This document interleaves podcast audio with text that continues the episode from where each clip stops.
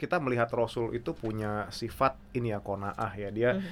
ter- men- dia merasa cukup di situ ya merasa Oke. cukup dengan apa yang uh, diberikan gitu ya dia merasa bersyukur juga Mhm. di situ ya Berarti sisi detailnya Rasulullah tuh luar biasa ya. Maksudnya dari Oke. Mm. dulu dia sudah mengecek gitu ya ke mana aja ya Ah, rezeki iya, yang iya. diberikannya. Ini gimana sih cara kita mungkin mengaplikasikannya karena ini sebenarnya gampang mencatat pengeluaran, tapi Ya, ya, ya. yakinlah ini Ya, susah. susah sebanyak apa pun harta yang kita kumpulkan ya semakin banyak itu ya semakin banyak juga zakat yang harus kita bayar karena kan Betul, setiap aset betul. itu ada ada ada zakat harus dizakati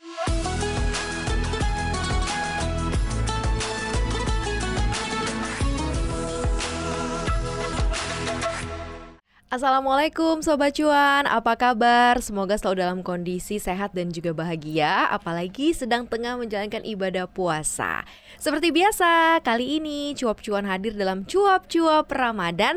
Sajian lengkap untuk Sobat Cuan selama bulan Ramadan Untuk menemani Sobat Cuan menjalankan ibadah puasa Agar lebih penuh berkah dan amanah. Nah, di segmen kita nih banyak banget sebenarnya cerita banyak hal di Cuap-Cuap Ramadan ini. Tapi yang spesial ini adalah ada di Kurma ya, keuangan Ramadan makin asik. Hari ini kita ngobrol spesial bersama financial expert CNBC Indonesia ada Mas Aulia Akbar. Hai Mas. halo mas Assalamualaikum. Waalaikumsalam. Waalaikumsalam. Oke, kenapa kok ini sangat-sangat spesial? Karena cuap cuan atau cuap-cuap Ramadan ini kepengen juga menyeimbangkan dan belajar banyak hal dari para pendahulu-pendahulu kita terutama nabi gitu ya, Nabi Muhammad yang ternyata sudah mewarisi tentang pengelolaan keuangan, pengaturan keuangan yang bisa kita adaptasi, benar nggak sih? sekali. Ini aku bagian dari belajar juga nih Sobat Cuan Karena aku banyak membaca kan kita sering banget nih ngambil Bagaimana caranya ya supaya bisa mengatur keuangan ala Warren Buffett Atau ala tokoh-tokoh investasi dunia Ala tokoh-tokoh yang sudah sukses di Indonesia Ternyata Rasulullah juga meninggalkan eh, hal yang sama dan bahkan lebih keren banget gitu ya Ini udah pernah lo angkat belum sih sebelumnya pembahasan ini nih Hmm. Mas Akbar? Oke, yang ini sebetulnya bisa bisa dibilang gue nggak hampir nggak pernah ngangkat, tapi Hmm. pernah sedikit-sedikit ketika kita ngebahas mengenai keuangan syariah. Tapi yang spesifik tentang Rasulullah ini memang belum pernah dan ini Mhm. merupakan edisi perdana kali gue Mhm. bahas yang seputar ini ya Rasulullah ya. Jadi istilahnya Sobat Cuan juga bisa sama-sama belajar ya Dan kalau misalnya Sobat Cuan nanti tahu Oh ternyata ada yang lebih spesial lagi nih Kita terbuka kok ya Untuk Sobat Cuan juga komen nanti di. Instagram kita Nah ternyata nih aku kan juga bacanya nih uh, Sobat Cuan aku banyaknya juga baca dari artikel-artikel Dan dari beberapa artikel Aku menemukan bahwa Rasulullah ini juga dinyatakan sebagai contoh budi pekerti yang baik untuk umatnya Ya. Dan segala perilaku baiknya patut dicontoh Tidak hanya tentang ibadah ternyata juga kehidupan sehari-harinya bisa kita tiru. Kita juga bisa mempelajarinya dalam mengelola keuangan Betul. secara detail. Wah, ini kayaknya menarik untuk kita coba lihat karena ada satu persatu yang mungkin tengah dijalani oleh sobat cuan ya. Kita buka dari pertama kali ya Mas Oke, Akbar ya. ya. Pertama adalah berbisnis. Nah, ini mungkin ya. yang bisa kita uh, ketahui tentang Hmm, bagaimana hmm. sih uh, Nabi kemudian mengajarkan umatnya untuk senantiasa uh, untuk ber- mencoba berbisnis ya sebagai salah satu dari pengelolaan keuangan ala Nabi ini. Mungkin kita balik uh, dulu ke Al-Qur'an ya, Mhm. surat Al-Baqarah ayat 275 ya. Mhm. Di mana Allah itu berfirman bahwasanya Allah telah menghalalkan uh, jual beli dan Hmm. mengharamkan riba di Oke. sini ya. Oke. Nah, dan mata pencaharian Rasulullah itu adalah pedagang karena pada Mhm. saat itu kan di Mekah itu kan mostly orang-orang berdagang di situ. Mm-mm. Dan sebetulnya banyak sekali gitu ya, Mbak ya. uh, insight-insight seputar bagaimana Rasulullah menjadi pedagang yang baik hingga Mhm. akhirnya dia dipercaya banyak orang dan pastinya uh, di situ dia juga bisa mencari berkah. Mhm. Ya, itulah Mhm. yang sebetulnya uh, bisa kita ambil uh, apa namanya pelajarannya di situ. Selain karena memang di Al-Qur'an dianggap uh, halal gitu ya, Hmm, ya. diperbolehkan, tapi ternyata dari sistem pun juga banyak memberikan peluang ya kalau Betul. berbisnis ini ya kayak peluang usaha, Hmm. kemudian peluang uh, lapangan pekerjaan. Itu kali yang mau diambil oleh uh, Nabi ya. Hmm, Iya, jadi sebetulnya gini, kalau di berbisnis secara Islam itu kita nggak hanya kejar cuan di dunia saja, Yes. tapi juga berkah di akhirat gitu ya. Mhm, mhm. Nah, kita bisa belajar dari Rasulullah. Salah satu hadis ya yang waktu itu uh, saya pernah baca dari uh, Ibnu Majah ya. Seorang muslim Mhm. adalah saudara bagi muslim yang lain dan tidak halal ba- bagi seorang muslim untuk menjual barang yang ada cacatnya kepada temannya Ya, Jadi ini barangnya harus barang yang barang bagus, barang yang baik. bagus. Iya, Oke. barang yang bagus dan barang yang baik. Ibaratnya sekarang saya ngejual mobil ke Mama Ria nih. Mhm. Mobilnya bekas eh, kerendam banjir. Saya harus cerita di situ. Bahwa ini bekas ini kerendam bekas banjir. kerendam banjir. Kalau Oh, saya bilang oh mobilnya nggak apa-apa nih, bekas keluar dari asuransi mobil, Mama Ria nggak tahu, saya Mhm. nipu berarti saudara. Itu nggak berkah. Mhm, Nah itu mhm. yang uh, memang dijauhi oleh Rasulullah pastinya ya di sini ya. Itu sangat sangat penting. Jadi kita untuk kejuju- untuk jujur gitu. Bahkan sempat ada cerita juga bagaimana Rasul itu ketika dia berdagang ya, dia bersaingnya itu di kualitas justru dan dan dia Oh, pun oke. jujur seputar Mhm, kualitas mhm, barang yang mhm. dia yang dia jual. Misalnya di tempat saya uh, barang-barang ini adalah kualitas nomor 2 dan nomor 3. Kalau kau mau barang yang ber- lebih berkualitas, kau Mhm. larilah ke masuklah ke kedainya si fulan itulah. Dia Mhm. menjual barang yang sangat berkualitas, yang bahkan kualitas nomor satu yang lebih baik daripada yang saya jual. Nah, Mhm. di situ dia akhirnya mendapat uh, keberkahan di situ ya. Oh, Jadi oke. ya hal-hal seperti itu dia ngebantuin uh, sesama kompetitornya juga di situ. Bukan malah bukan mati kompetisi ya, bukan bukan kompetisi. bersaing ya. Dan balik lagi kita kalau kita bicara mengenai kompetisi itu sendiri ya ini sebetulnya konteksnya bukan kita lomba-lomba cari cuan tapi Mhm. kita kalaupun berlomba-lomba adalah da- berlomba-lomba dalam dalam menjual uh, kualit dan dalam memproduksi barang yang berkualitas di sini ya Mhm, jadi kalau mhm. kita price war gitu itu juga merupakan hal yang kurang disukai oleh Rasulullah jadi Hmm, sebetulnya oke, ini sudah oke, ada oke, dari oke. zaman dulu gitu ya tapi kita baru tahu sekarang Mhm. gitu Jadi daripada price war mungkin lebih baik ya rekomendasiin gitu ya Iya. produk yang dijual oleh eh, mungkin bukan pesaingnya ya Bukan, tapi saudaranya. saudaranya, Saudaranya, bahasanya ya karena sesama pedagang kan bersaudara. Iya. Dan ternyata aku baru mengutip tadi yang eh, Mas Akbar bilang ada konsep kolaborasi juga yang sudah diterapkan di zaman Nabi dulu ya. Jadi kalau sekarang teman-teman ingin memonetisasi kemampuan diri ya kolaborasi, ya bukan Kolaborasi. bersaing lagi ya Yes. posisinya seperti itu. Wah ini memang sangat-sangat baik. Nah aku pengen lebih Hmm. tahu lagi deh detail gimana sih eh, Rasulullah juga men- mengajarkan tentang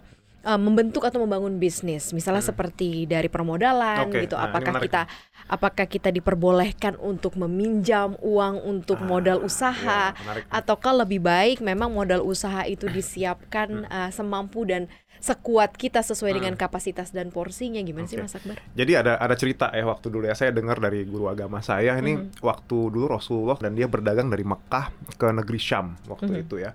Nah apa yang dilakukan Rasulullah adalah eh, dia menjual barang dari negeri Syam ya Mhm, mhm. itu ke Mekah.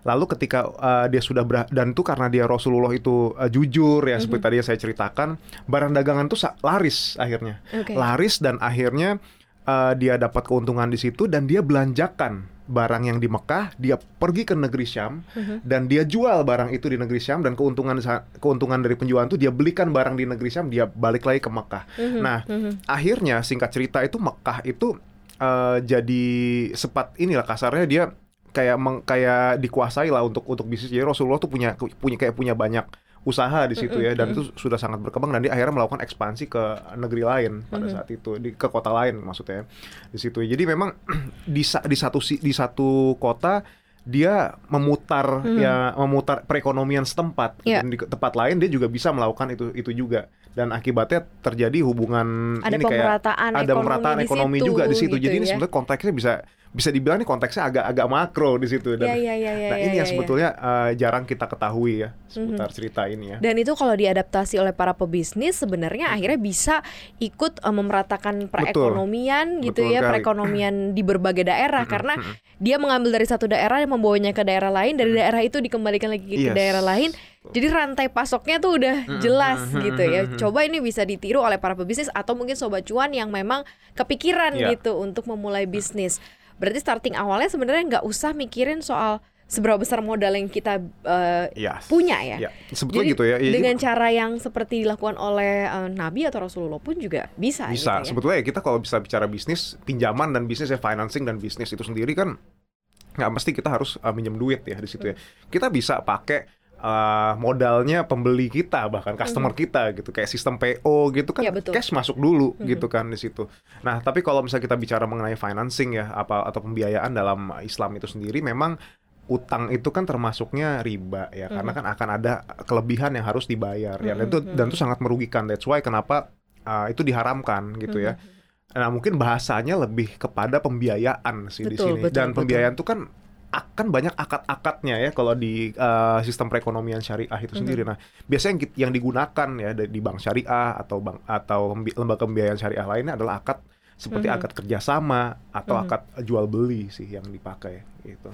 Oke, ini menarik ya. Ini baru satu loh dari sekian banyak kebaikan uh, pengelolaan keuangan yang bisa kita tiru dari uh, Nabi, gitu Nabi Muhammad. Dan ini menarik sekali. Baru beren, baru di bisnis aja kita udah banyak yes. tercerahkan dengan apa yang dilakukan oleh uh, beliau. Nah, kalau kita lihat yang kedua nih ya, kita hmm. beranjak ke yang kedua itu adalah bersedekah. bersedekah. Karena selain berusaha sendiri dalam mencari penghasilan, nah Rasulullah ternyata tidak lupa untuk berbagi pada orang yang layak mendapatkan bantuan. Ya.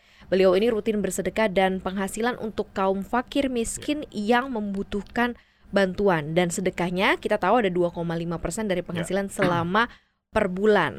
Nah, apalagi sih sebenarnya selain dari konsep 2,5% ya. ini mungkin yang diajarkan secara lebih detail karena mumpung bulan Ramadan ya yang lupa-lupa bayar uh, zakat atau bersedekah, uh, mungkin nabungnya belum di bank syariah ya, jadi nggak ya. otomatis ya. ya. ya, ya. Jadi bisa diingetin nih Mas Akbar. Hmm, ya. Ya jadi kita uh, lihat lagi ke Al-Qur'an ya uh, surat Az-Zariyat ayat 19 ya yang yang artinya dan pada harta-harta mereka ada hak untuk orang miskin yang meminta orang miskin yang tidak mendapat bagian gitu ya. Mm. Jadi uh, bisa dikatakan memang sebagian dari harta kita merupakan hak-hak mereka gitu ya, hak-hak orang yang memang uh, membutuhkan bantuan itu ya. Mm. Dan kalau bisa dibilang uh, yang kita punya kita punya penghasilan ya, itu yang namanya zakat itu merupakan pengeluaran wajib ya, memang harus dibayar di situ. Mm -hmm. Tapi intinya gini sih teman-teman ya. Uh, Rasulullah itu sendiri juga tidak pernah melupakan apa yang namanya zakat. Dia pun berbisnis ya. Uh, dia sampai hidup sederhana karena hartanya itu emang dia korbankan untuk uh, mendapat keberkahan dari Allah. Mm -hmm. Termasuk salah satunya adalah dengan berzakat itu sih. Oke, okay. kalau lupa hmm. misalnya nih, Mas yeah. Akbar artinya adalah kita lupa bersedekah ya. Mungkin kita nggak akan detail so soal zakat, tapi bersedekahnya kita lupa deh ini. Terus kemudian apa yang harus dilakukan misalnya, apalagi di saat bulan suci? Apakah kemudian kita bisa membayarkannya secara penuh atau hmm. seperti apa uh, baiknya mungkin kalau uh, agama mengajarkannya seperti apa? Nah ini nih sebetulnya nih yang yang apa namanya yang uh, yang saya yang kita juga ya sebagai manusia kita juga sering lupa pastinya Betul. ya. Mungkin ada yang lupa bayar atau dan uh, dan ini pasti ya ada lah ya konsekuensi di mana kita jadi lupa gitu bayar hmm. zakat dan kalau bisa memang jangan gitu ya. Ya teman-teman uh, harap apa namanya harap tinjau lagi lah untuk untuk hukumnya seperti apa di sini dan pastikan untuk tidak mengulangi lagi gitu di mm-hmm. kesempatan mm-hmm. selanjutnya di sini ya mm-hmm. terkait zakat ini ya. Jangan kalau bisa ya namanya namanya hilaf mungkin wajar ya terjadi Hilaf satu sekali ya sekali saja lah hmm. jangan hmm. diulangi lagi gitu ya dan pastinya akan ada konsekuensinya yang hmm. uh, yang teman-teman bisa cari tahu itu sendiri di Al-Qur'an atau di mana lah ya di situ ya pastinya hmm. mungkin sama-sama kita belajar ya untuk hmm. mempertajam lagi memperdalam hmm. kita terkait mengenai ilmu bersedekah yes, ini ya betul. dan nanti mungkin kalau misal sobat cuan pengen tahu atau kita pengen sharing hmm. boleh kok gitu boleh. ya tolong dibahas yang bagian apanya gitu ya nanti kita akan coba uh, mencari literasinya gitu ya sesuai dengan kaidah-kaidah uh, agama yeah. gitu ya dari Al-Qur'an dan juga hadis-hadis. Oke, okay, next mm-hmm. yaitu adalah mencatat pengeluaran. Nah. Ini tuh kalau financial planning tuh kan sering banget yang ngomong yeah, ini hal yeah. yang penting ya. Ternyata ini juga sudah dilakukan oleh Rasulullah di mana um, beliau mengajarkan kepada kita untuk mencatat pengeluaran supaya kita tahu ke mana aja pengeluaran yang kita gunakan. Mm-hmm. Karena setiap perbuatan kita termasuk dalam mengeluarkan penghasilan akan diminta katanya tanggung jawabnya ya. nanti di akhirat. Apakah pengeluaran itu dilakukan untuk hal baik atau malah hal yang buruk hmm. gitu ya. Berarti sisi detailnya Rasulullah tuh luar biasa ya. Maksudnya dari okay. dulu dia sudah mengecek gitu ya ke mana aja ya rezeki yang iya, diberikan ya. Ini gimana sih cara kita mungkin mengaplikasikannya karena ini sebenarnya gampang mencatat pengeluaran iya, tapi yeah, yeah, yeah yakinlah ini ya, susah, susah, tidak ya. dijalankan gitu ya. Aku aja masih bolong-bolong loh okay. mencatat pengeluaran aku. Jadi kayak setiap bulan selalu ada bocor-bocor alus uh, yang nggak ah, ketahuan uh, buat iya, apaan iya, aja iya, gitu, iya, Mas iya. Oke, okay. sebetulnya caranya kita bisa pakai simple buku tulis juga bisa sebetulnya hmm. ya kayak orang-orang Jepang gitu kan dia pakai buku tulis pake gitu ya. ya. Uh, ya, abis itu kalau kita juga bisa pakai apa namanya pakai Google Sheet atau hmm. Microsoft Excel dan ya teman-teman bisa lakukan sebebas mungkin lah aplikasi-aplikasi sekarang juga sudah banyak gitu ya. Nah, tapi balik lagi ini merupakan rutinitas yang mungkin menguras tenaga juga mm -hmm. dan menguras mhm. pikiran -hmm. juga dan mm -hmm. kita sekarang sibuk untuk bekerja gitu. Betul. Bagaimana kalau teman-teman uh, buka lebih dari satu rekening saja ya. Jadi misalnya rekening bank A ini buat bayar-bayar, buat -hmm. bayar tagihan, bayar kartu kredit, -hmm. bayar segala kebutuhan wajib atau pokok selama satu bulan. Ya. Nah rekening B ini digunakan untuk uh, Saving, saving, saving. saving. Bisa jadi saving, saving dana darurat. Iya, iya. Jadi tidak ter, tidak ibaratnya kita bisa top up kapan saja dan bisa cairkan kapan saja kalau dibutuhkan ya. Jadi bukan asal mencairkan juga. Nah sementara rekening C ini untuk menerima uang gajian ya. Hmm. Banyak Nah, banget tuh jadi rekeningnya. Iya, sebetulnya kalau walaupun banyak sekarang sudah ada aplikasi di, apa mau ini ya mobile banking Atau ada di bank digital yang banking, udah iya. ada dompet-dompetnya Betul, mungkin ya. sudah ada dompet-dompetnya. Jadi mau punya berapa rekening ya nggak apa nggak apa-apa gitu. Asal kita komitmen juga untuk ngelapor pajak ya karena kita kan Ya, iya, iya, karena iya, kita iya, mal- benar, kayak- benar, itu kalau itu sudah jadi konsekuensi kalau kita malas mencatat daripada daripada kita nyatat ya udah kita Mhm. mau nggak mau kita bikin rekening yang terpisah. Jadi sistem amplop kasarnya seperti itu ya. Nah, itu bisa lah teman-teman coba aplikasikan untuk Kalau misalnya eh, mencatat pengeluaran itu baiknya seperti apa sih? Ini aku udah mencoba menerapkan ya misalnya kayak setiap kali jajan, Ya, misalnya beli sesuatu pakai uang lima puluh ribu, Mhm. eh, dicatat misalnya beli cilok gitu ya Oke, tuh ya, ya. sepuluh ribu Ya, misalnya, ya. terus Hmm. bayar parkir ngasih tip parkir Ya. dua ribu Mhm, gitu. mhm, mhm. Apakah konsep sedetail itu juga yang maksudnya yang yang yang harus kita disiplinkan ke diri kita ya? Karena walaupun ini sudah diajarkan, tapi apakah itu akan Ya. sangat berdampak ya kalau kita bisa mencatat sedetail itu, Mas Akbar? berdampak sekali karena dulu saya saya tiga tahun lah ya saya mencatat dengan cara detail sebelum akhirnya Mhm. uh, sekarang saya pakai sistem envelope itu lah uh, sistem Oke. rekening itu ya Mhm. dulu bener-bener satu hari habis beli apa harga berapapun goceng pun dicatat pada saat jadi Hmm. kita bener-bener tahu berapa sih selisih antara pemasukan dan pengeluaran kita ya? Atau yang namanya Mhm. arus kas bersih itu dalam waktu sebulan. Kita kadang-kadang asumsi ya wah sebulan ini kita nggak banyak jajan kok. Pasti kita bisa nabung segini lah buktinya dari mana?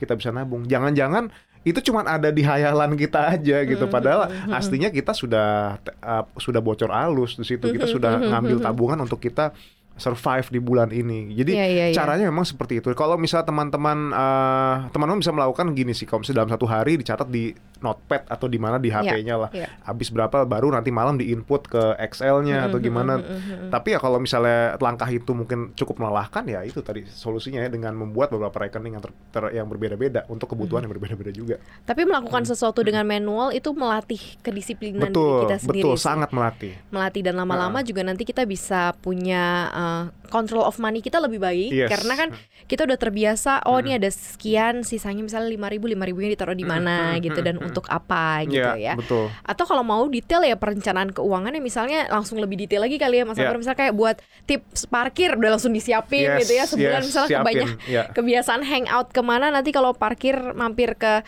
minimarket ada tukang parkirnya kasih Ya, dua ribu kasih ya. dua ribu dari itu sudah dibudgeting Iya, dan gitu kadang-kadang ya. itu kalau kau parkir-parkir kayak gitu kan itu butuhnya cash kan. Nah, itu Bener, kadang-kadang kan susah, susah bener. tercatat Betul, gitu. Jadi betul, ya sudah alokasikan saja gitu. Mungkin di apa di uang elektronik atau di Iya, mana iya. gitu.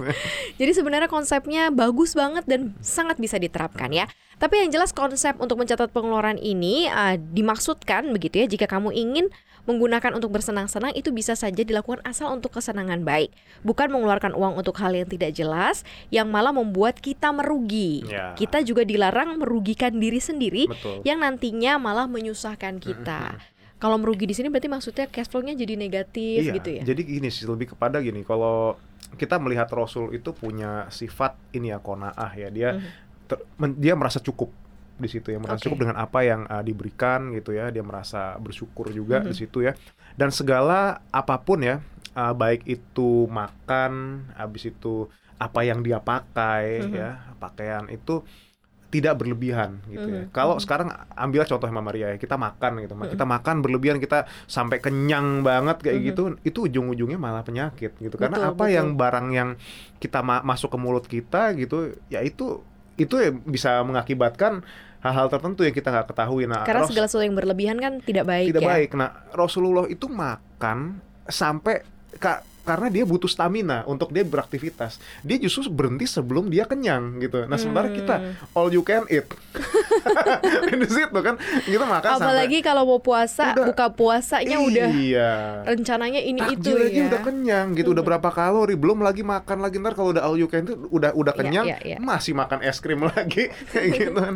Jadi Oke, Wah, itu ya. yang mungkin bisa menjadi pengingat kita Iya. gitu ya terkait mengenai hal itu. Nah, next nih ada tidak mengumpulkan harta untuk Iya. hal yang tidak perlu. Iya. Jadi dari cara pengelolaan keuangan ala Rasulullah ini ternyata adalah mengajarkan pada umatnya untuk tidak mengumpulkan harta secara berlebihan dan akhirnya malah tidak mau memberikan sebagian kelebihannya pada orang lain yang membutuhkan.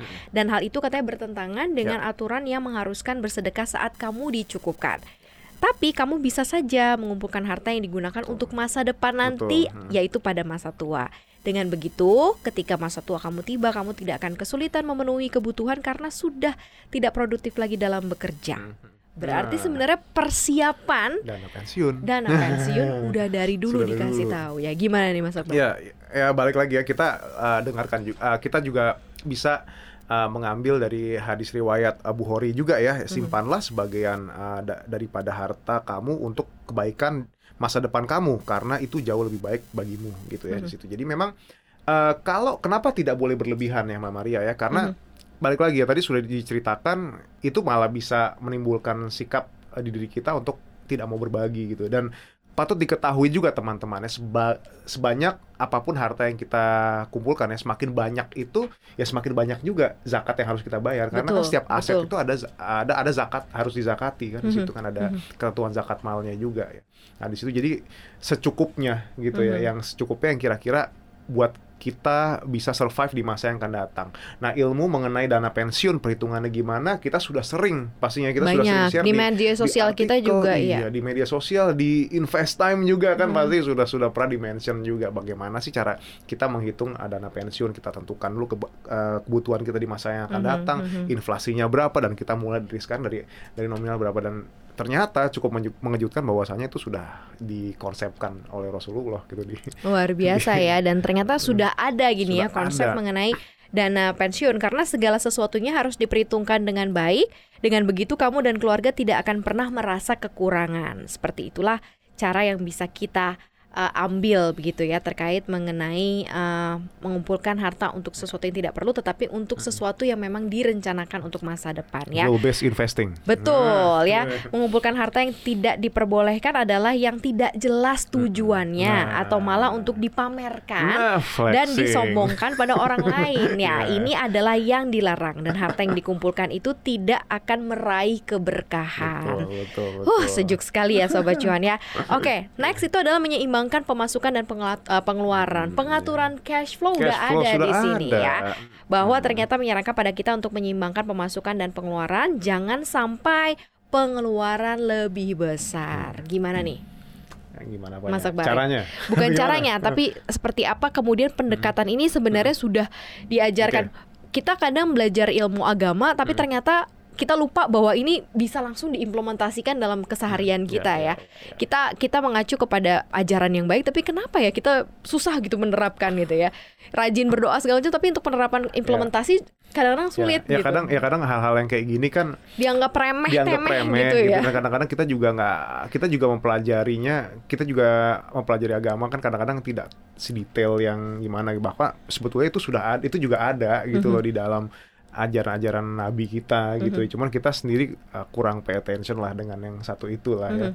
nah sebetulnya ya teman-teman bisa pelajari uh, bagaimana bagaimanapun caranya gitu tapi intinya sudah secara general sudah dikasih tahu bahwasanya dari dulu besar pasak daripada tiang itu merupakan hal yang tidak boleh dilakukan gitu ya dan Mhm, tidak mhm. boleh terjadi dan itu adalah akibat dari hal-hal yang atau kegiatan yang sifatnya adalah berlebihan itu Betul, sendiri gitu ya. impulsif ya. impulsif buying atau lifestyle creep lah apalah Ah, iya, intinya iya, begitu iya, ya. iya, jadi iya, bagaimana sekarang teman-teman uh, bisa menyi- Mhm. uh, menyikapi hal ini gitu tentunya teman-teman Oke. juga harus uh, waspada dengan yang namanya cash flow ya Betul. mengatur sebagai uh, sebaik mungkin pemasukan teman-teman. Ingat nih sekarang bulan puasa, nanti ada THR, lalu ada cuti bersama, lalu habis itu gajian tanggal 25. Jangan sampai karena mentang-mentang kayak terima gaji dua kali Mhm. habis semuanya ya. Dan jangan pernah berpikir betul. Gitu. Dan jangan sampai kita berpikir kayak ah nggak apa-apa lah ngeluarin segini nanti juga dapat lagi duitnya nggak seperti Ah, itu ya. Bahwa gitu. ternyata konsep konsep pengelolaan keuangan yang baik juga sudah diberikan oleh